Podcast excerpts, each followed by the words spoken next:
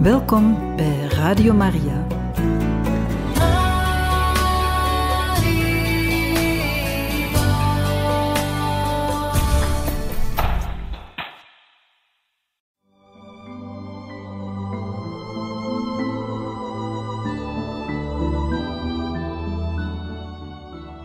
U luistert naar het vervolg van Een Christmas Carol, geschreven door Charles Dickens en u verteld door Luc Klaes.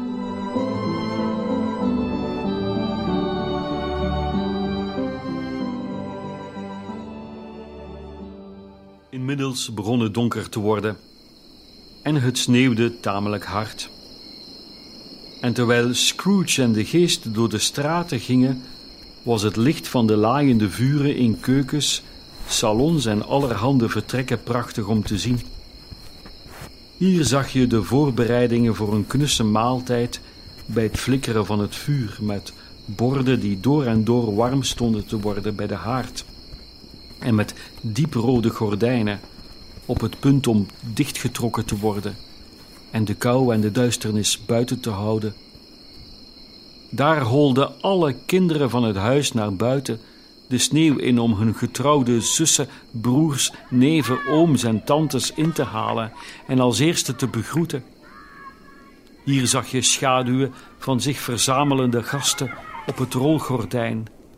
En daar trippelde een groep knappe meisjes met capuchons en bontlaarzen, allemaal door elkaar kwebbelend, lichtvoetig naar het huis van een buurman.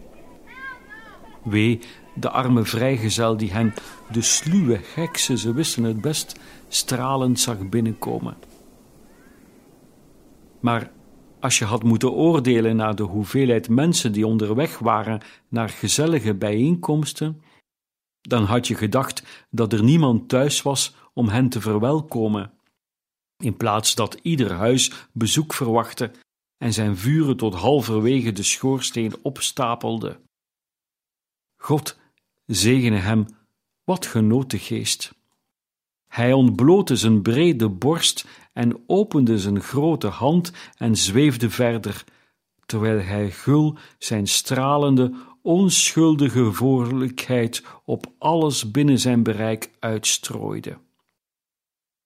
Zelfs de lantaarnopsteker, die voor hen uitholde en de schemerige straat met lichtstipjes bespikkelde, en die erop gekleed was om de avond ergens door te brengen, lachte hardop toen de geest voorbij kwam.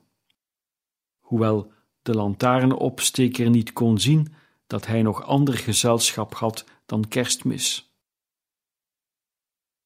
En nu stonden ze, zonder dat de geest daar met een woord voor had gewaarschuwd, in een troosteloze, verlaten woestenij waar reusachtige hoeveelheden ruwe stenen verspreid lagen, alsof het een begraafplaats was voor reuzen.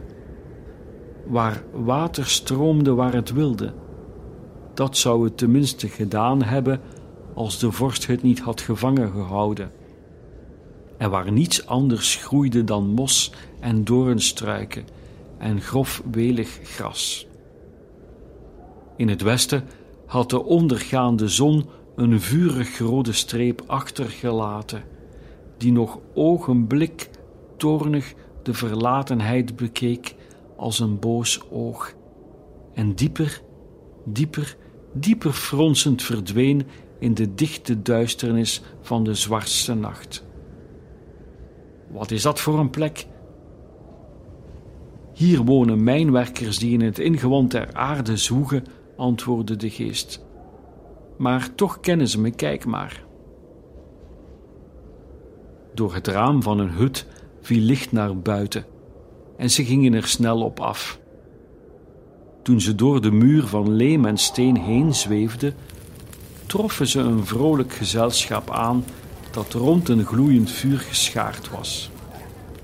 Een oude, oude man en vrouw met hun kinderen en hun kindskinderen en nog een latere generatie allemaal fleurig gekleed in hun zondagse kleren. De oude man zong een kerstlied voor hen, met een stem die maar een enkele keer boven het huilen van de wind over de kale vlakte uitkwam. Het was al een heel oud lied geweest toen hij nog een jongen was. En van tijd tot tijd zongen ze allemaal samen het refrein.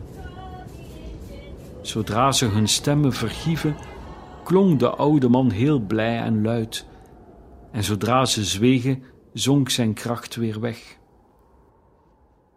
De geest bleef hier niet, maar hij verzocht Scrooge zijn gewaad vast te houden en spoedde zich over de heide. Waarheen? Toch niet naar de zee? Naar de zee. Toen Scrooge omkeek, zag hij tot zijn afschuw een angstaanjagende rotsketen waar het land ophield en zijn oren werden verdoofd door het donderen van het water, terwijl het klotste en brulde en raasde in de ontzaglijke inhammen die het had uitgeslepen en driftig probeerde de aarde te ondermijnen. Op een somber rif van verzonken rotsen, zowat een mijl uit de kust, waar het water het hele wilde jaar door tegenaan schuurde en beukte, stond een vuurtoren. Er kleefden reusachtige bergen zeewier aan zijn onderkant en stormvogels. Geboren uit de wind zou je kunnen denken zoals zeewier uit water. Rezen en daalden eromheen als de golven waar ze overeen scheerden. Maar zelfs hier hadden de twee mannen die op het licht moesten passen een vuur gemaakt, dat een straal licht op de ontzagwekkende zee wierp, door het kijkgat in de dikke stenen muur. Terwijl ze elkaar boven de ruwe tafel de eeltige hand schudden, wensten ze elkaar een vrolijk kerstfeest bij hun kan warme wijn. En een van beiden, de oudste, met een gezicht dat beschadigd en getekend was door ruw weer als het boegbeeld van een oud schip, zette een krachtig lied in dat zelf op een storm leek. Weer spoedde de geest zich verder boven de zwarte, zwoegende zee, verder en verder, totdat ze neerstreken op een schip, ver verwijderd van alle land, zoals hij Scrooge vertelde. Ze stonden naast de roerganger bij het stuur, bij de uitkijk in de boeg, bij de officieren die de wacht hadden, donkere, spookachtige gedaanten op een post, maar ieder van hen neuriede een kerstlied, of had een kerstgedachte, of sprak zachtjes tegen zijn metgezel over een voorbij kerstfeest, waarin hoopvol verlangen naar huis doorklonk. En alle mensen aan boord, wakend en slapend, goed en slecht, waren op deze dag vriendelijker voor elkaar dan op iedere andere dag van het jaar. En ieder van hen had tot op zekere hoogte deelgenomen aan de feestelijkheid en had gedacht aan zijn verre geliefde en geweten dat zij met vreugde aan hem dachten. Het was een geweldige verrassing voor Scrooge, terwijl hij naar het kreunen van de wind luisterde en bedacht hoe plechtig het was om door het eenzame duister over een onbekende afgrond te zweven met geheime diepte die even ondoorgrondelijk waren als de dood. Het was een geweldige verrassing voor Scrooge toen hij, terwijl hij hiermee bezig was, iemand hartelijk hoorde lachen. Scrooge's verrassing werd nog veel groter toen hij de lach van zijn eigen neef herkende en zich in een lichte, droge, blinkende kamer bevond, terwijl de geest glimlachend naast hem stond en diezelfde neef goedkeurend en vriendelijk bekeek. Lachte Scrooge's neef. Als u door een onwaarschijnlijk toeval iemand kent met een leukere lach dan Scrooge's neef, dan kan ik alleen maar zeggen dat ik die persoon ook graag zou willen kennen. Stel me aan hem voor en ik zal mijn best doen bij hem in de smaak te vallen. Het is een eerlijke, objectieve, edelijke schikking der dingen, dat terwijl ziekte en verdriet besmettelijk zijn, niets ter wereld zo onweerstaanbaar aanstekelijk is als lachen en vrolijkheid. toen Scrooge's neef zo lachte, zijn zijde vasthield, met zijn hoofd rolde, vreemde gezichten trok, moest Scrooge's aangetrouwde nicht even hartelijk lachen als hij. En hun verzamelende vrienden bleven niet achter, maar brulden het uit. Hij zei dat kerstmis onzin was, zo waar ik leef, riep Scrooge's neef. En hij geloofde het ook nog. Des te erger, Fred, zei Scrooge's nicht verontwaardigd. Die vrouwtjes toch. Ze kunnen nooit eens iets van twee kanten bekijken. Het is ze altijd bloedige ernst.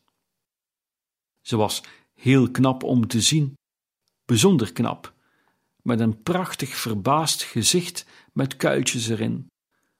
Een rijp mondje dat eruit zag alsof het gemaakt was om te kussen, wat ongetwijfeld ook gebeurde, met allerlei leuke sproetjes op haar kin, die met elkaar versmolten als ze lachte, en het zonnigste paar ogen dat u ooit in een hoofdje had gezien. Al met al was ze verleidelijk, zoals je dat noemt, maar ook aardig, ja, erg aardig.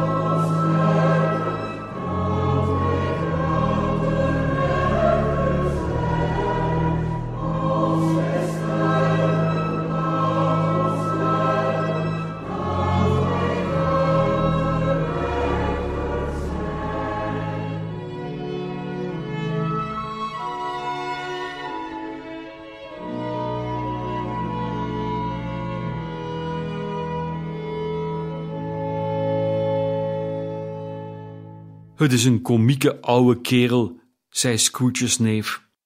Dat is een feit. En hij zou best wat vriendelijker mogen zijn. Maar hij lijdt zelf het meest onder zijn wangedrag. En ik heb niets op hem aan te merken. Hij is vast rijk, Fred, zinspeelde Scrooge's nicht. Dat zeg jij tenminste altijd. Wat doet dat ertoe, schat? zei Scrooge's neef. Hij heeft er niets aan dat hij rijk is. Hij doet er geen goed mee. Hij geniet er zelf niet van. Hij beleeft geen plezier aan de gedachte dat hij het later aan ons zal vermaken. Ik kan hem niet uitstaan, merkte Scrooge's nicht op. De zusjes van Scrooge's nicht en alle andere dames waren dezelfde mening toegedaan. Nou, ik wel, zei Scrooge's neef. Ik heb medelijden met hem. Ik kan gewoon niet kwaad op hem zijn. Wie leidt er onder zijn boze luimen? Hij zelf altijd. Kijk maar, hij haalt het in zijn hoofd om een hekel aan ons te hebben, en hij wil niet bij ons komen eten. Wat is het resultaat? Hij loopt een niet zo bijzondere maaltijd mis. Ik vind dat hij een uitstekende maaltijd misloopt, viel Scrooge's nicht hem in de rede. Alle anderen beaamden dit, en we moeten toegeven dat zij erover konden oordelen, omdat ze net gegeten hadden en met een nagerecht op tafel bij lamplicht rond het vuur zaten. Zo, ik ben blij te horen, zei Scrooge's neef, want ik heb niet zoveel vertrouwen in jonge huisvrouwtjes. Wat vind jij, Topper? Topper had kennelijk een oogje op een van de zusjes van Scrooge's nicht, want hij antwoordde dat een vrijgezel een beklagenswaardige verschoppeling was, die het recht niet had zich over dit onderwerp uit te spreken. Waarop het zusje van Scrooge's nicht, die mollige met het kanten kraagje, niet die met de rozen, moest blozen. Ga nou verder, Fred, zei Scrooge's nicht, terwijl ze in haar handen klapte. Hij maakt nooit eens een verhaal af, het is toch zo'n idioot. Scrooge's neef leefde zich nogmaals uit in een lach, en aangezien het onmogelijk was er niet door aangestoken te worden, hoewel het mollige zusje haar uiterste best deed met kruidenazijn, werd zijn voorbeeld unaniem gevolgd. Ik wou zeggen, zei Scrooge's neef, dat het gevolg van het feit dat hij een hekel aan ons heeft gekregen en geen feest met ons viert, mijn inziens is dat hij een aantal plezierige momenten misloopt, die hem geen kwaad zouden doen. Ik weet zeker dat hij aangenamer gezelschap misloopt dan in zijn eigen gedachten kan vinden op zijn schimmelige oude kantoor of op zijn stoffige kamers. Ik ben van plan hem ieder jaar dezelfde kans te bieden, of hij nu wil of niet, want ik heb medelijden met hem hij mag op kerstmis schelden tot hij doodgaat, maar hij zal toch van inzicht moeten veranderen. Dat is hem tenminste geraden. Als hij merkt dat ik jaar in jaar uit welgemoed bij hem kom en zeg: Hoe gaat het met u, oom Scrooge? Als het hem in de stemming brengt om zijn arme klerk vijftig pond na te laten, is dat al iets. En ik geloof dat ik hem gisteren aan het wankelen heb gebracht. Nu was het hun beurt om te lachen bij de gedachte dat hij Scrooge aan het wankelen had gebracht. Maar omdat hij door en door goedmoedig was en het hem niet veel interesseerde waarom ze lachten, zolang ze maar lachten, moedigde hij hen aan in hun vrolijkheid en ging opgewekt rond met de fles. Na de thee maakten ze muziek, want het was een muzikale familie en ze wisten wat ze deden als ze een driestemmig lied of een kanon zongen, dat kan ik u verzekeren. Vooral Topper, die briljant de baspartij kon brommen zonder dat de grote aderen in zijn voorhoofd opzwollen of dat hij een rood hoofd kreeg. Scrooge's nicht speelde goed harp en ze speelde onder andere een simpel wijsje, een dingetje van niets. Je zou het in twee minuten kunnen nafluiten dat het kind dat Scrooge van kostschool had gehaald, zoals de geest van voorbije kerstfeesten hem had getoond, ook had gekend. Toen deze melodie klonk, moest hij denken aan alle dingen die deze geest hem had laten zien. Hij werd steeds weker en hij bedacht dat hij, als hij er vaak naar had kunnen luisteren, jaren geleden de goede dingen van het leven met zijn eigen handen voor zijn eigen geluk had kunnen gebruiken, zonder zijn toevlucht te hoeven nemen tot de doodgraverschop die Jacob Marley had begraven. Maar ze maakten niet de hele avond muziek. Na een tijdje gingen ze pand verbeuren, wat soms is het goed om weer kind te zijn, vooral met kerstmis, omdat de machtige grondlegger van dit feest zelf een kind was. Maar wacht even, eerst speelden ze blinde mannetje. Ja, natuurlijk, en ik geloof net zo min dat Topper echt blind was, als dat hij zijn ogen in zijn laarzen had. Ik denk dat het afgesproken werk was tussen Scrooge's neef en hem, en dat de geest van dit kerstfeest dat wist. De manier waarop hij achter dat mollige zusje met het kanten kraagje aanging, was een aanslag op de goedgelovigheid van de mens. Hij hooide het haardstel omver, viel over de stoelen, liep tegen de piano op, smoorde zichzelf in de gordijnen. Waar zij ging, daar ging hij ook. Hij wist de hele tijd waar de mollige zuster was. Hij wilde niemand anders pakken. Als je, zoals sommigen deden, tegen hem was opgebotst en je was zo blijven staan, dan zou hij gedaan hebben alsof hij je probeerde te pakken, op een manier die een belediging van je intelligentie was. En hij zou meteen zijn weggeschuifeld in de richting van het mollige zusje. Ze riep keer op keer uit dat het niet eerlijk was, en dat was het ook echt niet. Maar toen hij haar eindelijk te pakken had, toen hij haar ondanks haar zijde geritsel en snelle fladderbewegingjes langs hem heen klem zette in een hoek waaruit ze niet kon ontsnappen, toen gedroeg hij zich pas echt schandelijk. Want dat hij deed of hij haar niet kende, dat hij deed alsof het nodig was aan haar hoofdtooi te voelen en zich verder van haar identiteit te vergewissen door op een ring aan haar vinger en een ketting om haar hals te drukken, dat was laag. Dat was schandalig. Toen iemand anders de blinde man was en ze zo vertrouwelijk achter de gordijnen stonden te praten, heeft zij hem ongetwijfeld verteld hoe ze hierover dacht. Scrooge's nicht deed niet mee met blinde mannetje, maar werd behagelijk geïnstalleerd in een knus hoekje met een grote stoel en een voetenbankje, waar de geest en Scrooge vlak achter haar stonden. Maar ze deed wel mee met het pand verbeuren, en ze beminde haar lief tot ieders bewondering met alle letters van het alfabet. Ook in het spel hoe, wanneer en waar was ze uitstekend op dreef en maakte haar zusjes in, tot heimelijke vreugde van Scrooge's neef. Terwijl dat toch ook scherpzinnige meisjes waren, zoals Topper u had kunnen vertellen. Er waren zo twintig mensen aanwezig, jong en oud, maar ze deden allemaal mee, en Scrooge ook, want in zijn belangstelling voor wat er gaande was, vergat hij helemaal dat ze zijn stem niet konden horen, en riep soms luidkeels wat hij dacht dat het was. En hij had het vaak ook nog goed, want de scherpste naald van het merk Whitechapel, waarvan het oog gegarandeerd niet in de draad snijdt, was niet scherper dan Scrooge, hoe bot deze zich ook voordeed.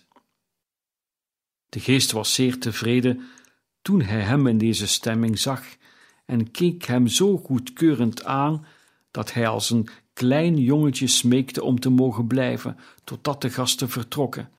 Maar de geest zei dat dat niet kon. Ze doen een nieuw spel, zei Scrooge. Een half uur geest nog, nog eentje. Het was een spel dat ja en nee heette, waarbij Scrooge's neef iets in gedachten moest nemen en de rest erachter moest komen wat het was en hij alleen op een vragen mocht antwoorden met ja of nee, naar gelang het geval was. Het spervuur van vragen waaraan hij werd onderworpen ontlokte hem dat hij dacht aan een beest, een levend beest, een tamelijk onaangenaam beest, Een wild beest, een beest dat soms gromde en knorde en soms sprak en dat in Londen woonde en losliep op straat en dat niet tentoongesteld werd en niet door iemand werd vergezeld en niet in een dierentuin woonde en nooit geslacht werd en dat geen paard, geen ezel, geen koe, geen stier, geen tijger, geen hond, geen varken, geen kat en geen beer was. Bij iedere nieuwe vraag die hem werd gesteld, barstte de neef opnieuw een bulderend gelach uit en had zo onuittegensprekelijk veel plezier dat hij van de sofa op moest staan om op de grond te stampen. Ten slotte riep het mollige zusje uit, terwijl ze in een soortgelijke toestand raakte: Ik heb het, ik weet wat het is, Fred, ik weet het.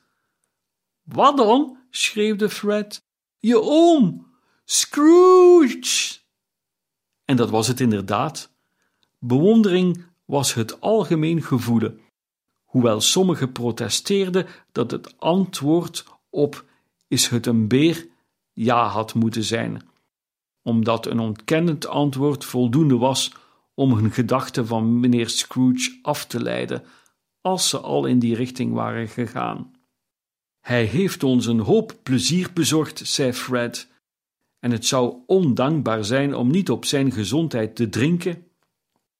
We hebben net een glas warme wijn bij de hand en ik zeg: Op om Scrooge. Ja, op om Scrooge, riepen ze. Vrolijk kerstfeest en een gelukkig nieuwjaar voor de oude man. Wat hij ook mag zijn, zei Scrooge's neef. Hij moest er niets van hebben toen ik het hem toewenste, maar ik gun het hem toch, om Scrooge. Oom Scrooge was ongemerkt zo vrolijk en luchthartig geworden dat hij het niets vermoedende gezelschap op zijn beurt zou hebben toegedronken en met onhoorbare woorden zou hebben bedankt, als de geest hem de tijd had gegund. Maar het hele tafereel verdween bij het laatste woord dat zijn neef zei, en de geest en hij waren weer onderweg. Ze zagen veel en ze reisden ver en ze bezochten vele huizen, maar altijd met een gelukkige afloop. De geest stond naast ziekbedden en die werden vrolijk. In vreemde landen en die waren dicht bij huis. Bij ploeterende mannen en die werden geduldig en koesterden meer hoop. Bij armoede en er was rijkdom. In het armengesticht, het ziekenhuis en de gevangenis, in ieder toevluchtsoord van de ellende, waar de trotse mens met korte, nietig kleine macht bekleed de deur niet had afgesloten om de geest buiten te sluiten, gaf hij zijn zegen en onderwees Scrooge zijn geboden. Het was een lange nacht, als het maar één nacht was, maar Scrooge betwijfelde dit, omdat de hele kersttijd gecomprimeerd leek in de tijd die ze samen doorbrachten. Het was ook vreemd dat terwijl Scrooge uiterlijk niet veranderde, de geest ouder werd, zichtbaar ouder.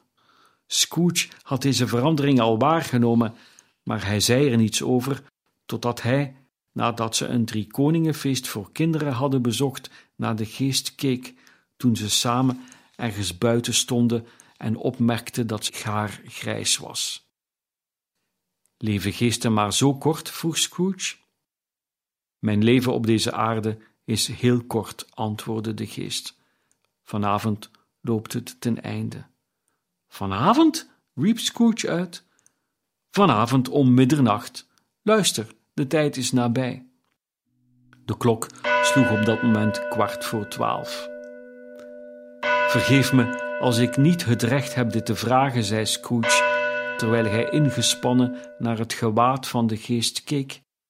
Maar ik zie iets merkwaardigs, iets dat niet bij u zelf hoort, onder uw rok uitkomen. Is het een voet of een klauw? Het zou een klauw kunnen zijn, zo weinig vlees zit eraan, antwoordde de geest treurig. Kijk maar. Uit de plooien van zijn gewaad haalde hij twee kinderen tevoorschijn, erbarmelijk, miserabelijk, gruwelijk, monsterlijk, deerniswekkend. Ze knielden neer aan zijn voeten en klampten zich aan zijn gewaad vast.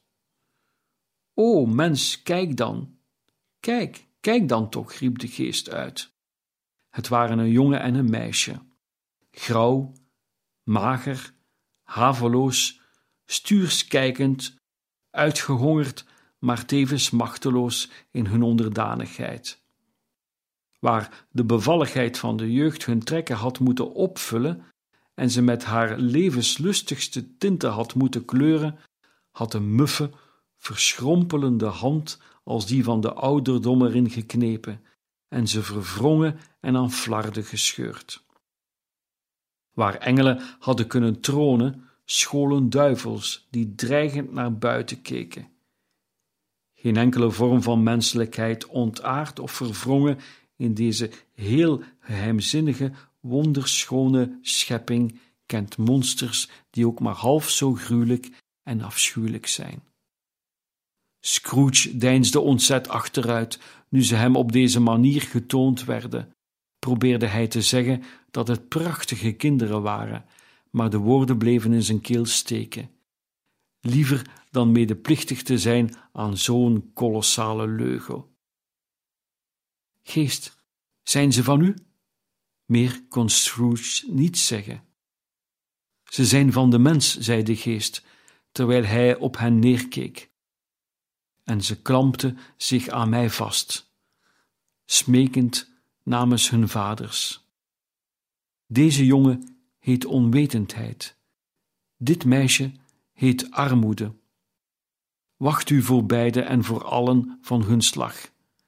Maar wacht u het meest voor deze jongen, want op zijn voorhoofd zie ik datgene geschreven wat ondergang betekent. Tenzij het woord wordt uitgewist. Ontken het, riep de geest uit, terwijl hij zijn handen uitstak naar de stad. Belaster hen die het u vertellen. Geef het toe omwille van uw eigen opruiende bedoelingen en maak het nog erger en wacht het einde af. Is er geen toevlucht of uitweg voor hen? riep Scrooge uit. Zijn er geen gevangenissen, zei de geest, terwijl hij hem voor de laatste maal aanviel met zijn eigen woorden. Zijn er geen werkhuizen? De klok sloeg twaalf. Scrooge zocht waar de geest was gebleven en zag hem nergens. Toen de laatste slag was weggestorven, herinnerde hij zich de voorspelling van de oude Jacob Marley, en terwijl hij opkeek, zag hij een indrukwekkende verschijning in een gewaad met een kap die als een grondmist op hem afgleed.